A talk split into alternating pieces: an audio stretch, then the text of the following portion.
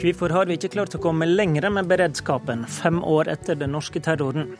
Både justisministeren og Arbeiderpartiet bør kunne svare for det. Hadde vi blitt mer trygge av mer permanent grensekontroll? Det mener Senterpartiet, som ikke forstår motstanden fra Frp. God morgen, Justispolitisk kvarter i dag. NRK Brennpunkt eh, setter i dag fokus på beredskapen fem år etter 22. juli. På TV i kveld får du se om den kaotiske prosessen om å lage et eh, beredskapssenter. Og du har allerede hørt på radio om eh, politihelikoptrene våre. Vi er ikke blitt bedre til å komme dit det trengs når det trengs, sier den tidligere lederen for beredskapstroppen i politiet. Justisminister Anders Anundsen, god morgen. God morgen, god morgen. Mener du politihelikopterberedskapen vi har i dag er god nok? Ja, jeg mener den er veldig god, og den er vesentlig bedre enn den var 22.07.2011. Nå handler ikke beredskap bare om politihelikopter og beredskapssenter. Det handler om flere utrykningsenhetsmannskaper i politidistriktene. Det handler om 1000 flere politifolk. Det handler om alle de tiltakene som er gjennomført i oppfølgingen av Gjørv-kommisjonen og andre kommisjoners uh, rapporter. Men det handler også om politihelikopter og beredskapssenter. Politihelikoptrene våre er altså nå i en uh, situasjon hvor vi har mer oppetid enn det det de noen gang har fått eller hatt tidligere. Når du hører eh, det i reportasjen her tidligere blir sagt at de er mer på verksted enn i lufta, så er det en eh, omskriving av fakta.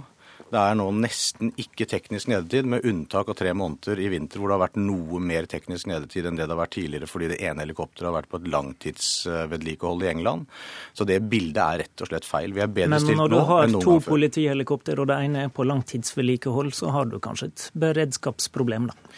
Ja, uansett så har, vil, jo, vil jo helikopteret måtte gjennomføre vedlikeholdsprogram, uavhengig av hvor gamle de er. Jo eldre de er, må de eh, oftere gjennomføre et sånt program.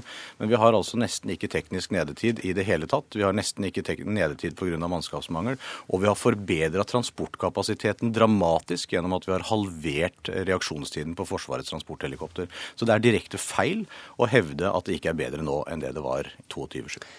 I 22. juli-komiteen på Stortinget, der du uh, satt som uh, stortingspolitiker, viste du til at nedetida på politihelikoptre er større enn den faktisk operative beredskapen for helikoptre, og mente dette var i strid med Stortingets sine føresetnader. Er situasjonen i dag i tråd med føresetnadene fra Stortinget, da? Ja. Det er en helt annen situasjon enn det vi er i nå. Nå er det helt klart at politihelikoptre har en betydelig større klartid, eller tilgjengelighetstid enn det de noen gang har hatt tidligere. De siste tre årene så har det, selv om det varierer litt, så har det vært ett område hvor det er vanskelig for politikere å gjøre noe særlig, som fører til at politihelikopter ikke kan fly, og det er været på Gardermoen. Når det gjelder det vi kan gjøre noe med politisk, det tekniske, mannskapene, så det, har det aldri vært bedre. Jan Bøhler fra Arbeiderpartiet, du satt i justiskomiteen i forrige periode, og du satt sammen med Anundsen i denne Stortingets 22. juli-komité, ja. der dere var brennende opptatt av å få til bedre beredskap. Ehm, det ene av eh, to politihelikopter er et gammelt helikopter som er leasa inn fra britene. Er det godt nok til å leve med framover? Det har jo vært et velfungerende helikopter, og det har jo hatt noe, de har jo no, noen reparasjoner som de har hatt på begge. og nå en, har det vært noe i en lengre periode, skjønner jeg. Men eh, det har jo vært en bedre eh, beredskap for helikoptrene etter at vi fikk to stykker. at det var en eh, større trygghet for at i hvert fall ett fungerte hele tida. Og, og, jeg må jo legge til at vi har ikke lagt opp i Norge til at helikoptrene skal brukes til å transportere politimannskaper. Det er det, den beredskapen som militære helikoptre har. Den er jo skjerpet på Rygge, sånn at der har jo de nå en times utrykningstid. Og det er jo de som skal transportere hvis eh, den eh, deltatroppen, altså beredskapstroppen, skal eh, ut på lengre avstander i landet. Så er det de som innen en time skal være klare til å frakte beredskapstroppen. Og også eventuelt hvis Forsvaret skal inn, hvis det er tunge operasjoner på oljeplattformer eller sånn, så det, skal de også frakte spesialstyrkene. Mm. Pluss at redningshelikoptrene har fått en instruks som de fikk etter 22.07, som vi også behandlet i den komiteen du nevnte, hvor redningshelikoptrene, når det er skarpe situasjoner hvor politiet først må inn, skal prioritere å frakte politi. Mm. Og, og, der de er det jo nye helikopter på vei. Og, og, der er det lagt opp til at de skal kunne transportere politi. Så dette sånn er godt nok, det altså? Nei, altså Transportdelen av, av politiet er Hvis det skal transporteres beredskapstroppen rundt i landet, så er det først og fremst via militærhelikoptre og via redningshelikoptrene. Det er ingen som har lagt opp til der å kjøpe så mange store, nye helikoptre at de skal kunne transporteres på den måten. Og når det gjelder den, den, den operative bruken av politihelikoptrene til f.eks. å følge de som rømmer fra politiet på veien, som, å følge dem med varmesøkende kamera og sånn, som jeg har sett de hang senest over Groruddalen nå på søndag. Så jeg kan bekrefte at de er oppegående. De er der. De er der. Så at den, men der er det også nå aktuelt å bruke droner i større grad, som jeg så oppslag også i nyhetssendingen deres om at politi, politibiler skal utstyres med droner.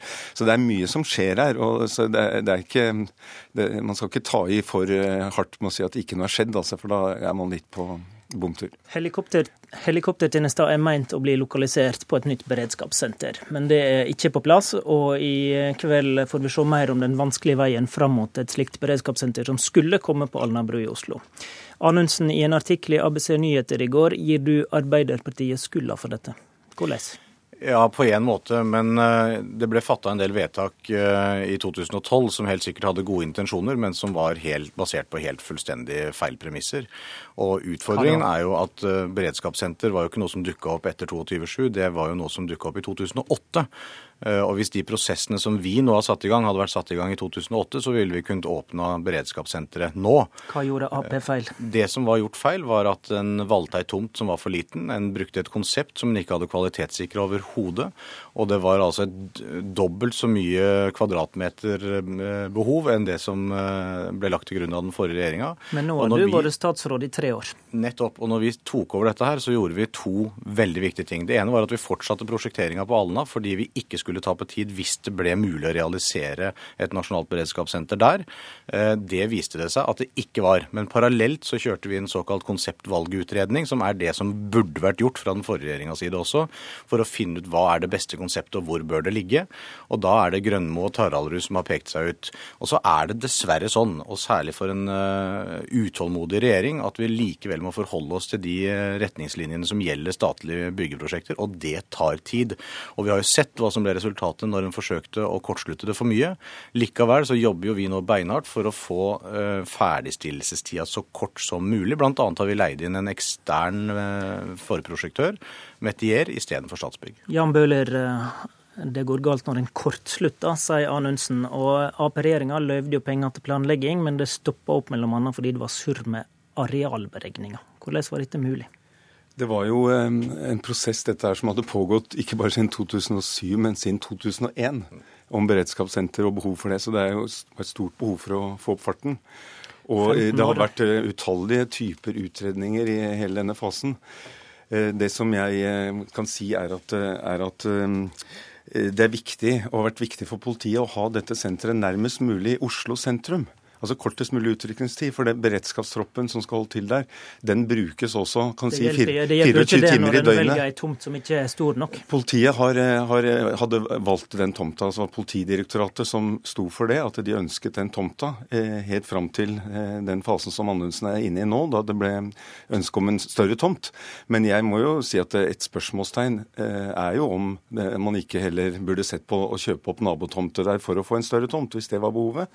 Men jeg har ikke ikke behov for å Jeg har behov for at det skal komme et beredskapssenter, og at det skal ha kort kjøretid inn mot Oslo sentrum. For det er utrykningstida som er, kan være avgjørende på halvminutt. Og dette er ikke bare når det skjer terror, dette er okay. i det daglige arbeidet mot skarp kriminalitet. Du kunne kjøpt opp nabotomter, Anundsen. Ja, Vi har vurdert en rekke forhold, men det er ikke bare eh, den lille tomta som har vært problemet. Det er eh, dårligere øvingsmuligheter, ikke utenby, utendørs skytebane, ikke Sibo-landsby. Alt dette ligger nå inn i det nye konseptet. Og det er synd at planlegginga har tatt så lang lang tid før regjeringsskiftet. Nå er vi i rute, og vi gjør det vi skal for å sikre dette så raskt som mulig. Okay, Men jeg er også enig med Bøhler i at det viktigste er å få det på plass så raskt som mulig. Vi får se hvor raskt det kommer. Takk til Jan Bøhler. Anders Anundsen blir sittende.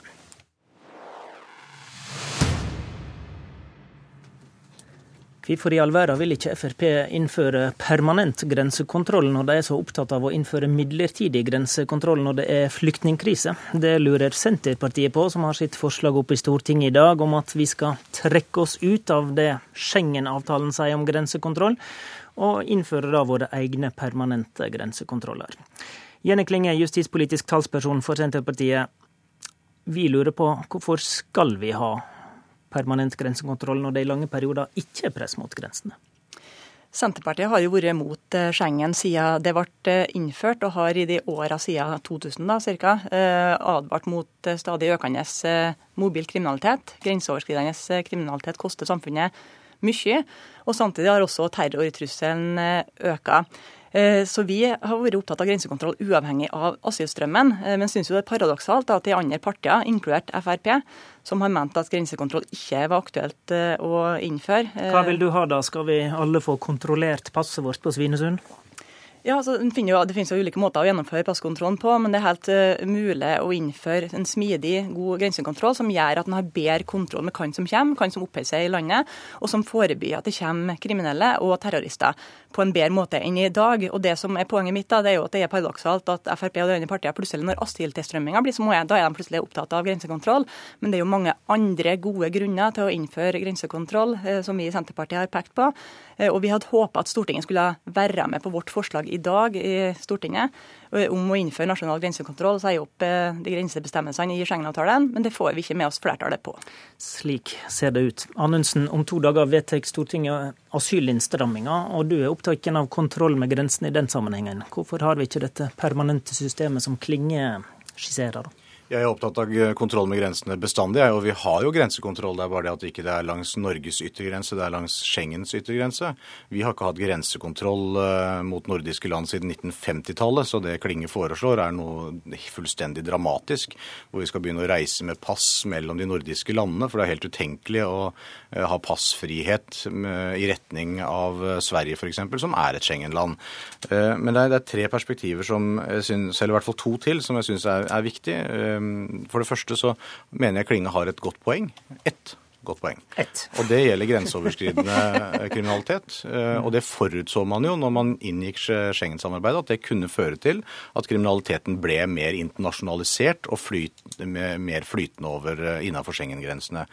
Og det gjorde man jo da en rekke for, ting for å kompensere for. Blant annet så forsterket man politisamarbeidet, man har felles registreringssystemer, man følger øh, dette ekstremt tett mellom eh, de polisiære myndighetene, nettopp for å forhindre den grenseoverskridende kriminaliteten. Det er et samarbeid som er ekstremt nyttig for norsk politi i kampen mot eh, kriminalitet, og det ønsker Jenny Klinge å frata oss muligheten for. I tillegg så ønsker hun å frata oss muligheten for å returnere personer etter Dublin-avtalen, sånn at vi ville blitt sittende med en masse flere asylsøkere okay. enn det vi har gjort tidligere. La oss ta det, Klinge. Ja, Det er utrolig viktig å understreke at eh, land som Storbritannia og Irland, som ikke er medlemmer av Schengen, det grensesamarbeidet, har eh, gode justispolitiske samarbeid med EU. Det er fullt mulig for Norge også å ha det, eh, hvis vi trer ut av, av Schengen.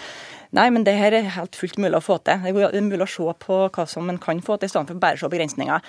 Eh, det andre er jo at Den nordiske passunionen fra jeg tror det var ca. 1954 var jo i aktivitet til Schengen-samarbeidet ble eh, inngått.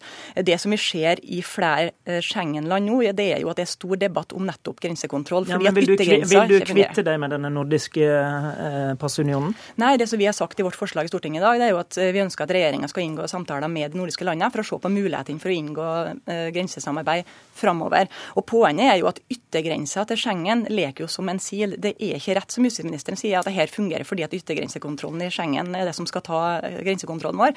Så lenge som folk strømmer over grensene der uten kontroll, så har de jo også fritt leide inn til Norge. Anundsen. Så lenge som ikke har nasjonal grensekontroll. Og Det er ingen tvil om at Schengen yttergrense ikke fungerer som den skal. og Det betyr at fremtida til Schengen er usikker. Det er det ingen tvil om. Men alternativet som eh, Jenny Klinge presenterer i dag, er altså veldig, veldig mye mer usikkert. Eh, for det er rett og slett ikke mulig å få til en nordisk passunion så lenge vi har Schengen. Når Sverige og Danmark er medlem av Schengen, så vil det være deres forpliktelse etter Schengen-avtale å ha grensekontroll mellom Norge og de landene. Så, så det, jeg syns det er litt sånn useriøst rett og slett å si det at vi må bare bli enige eller finne en løsning på dette. For det okay. er altså inngått avtaler som gjør at ikke det er mulig å finne løsninger Takk på det. Takk til Anders Anundsen og Jenny Klinge i Senterpartiet. I studio, Håvard Grønli.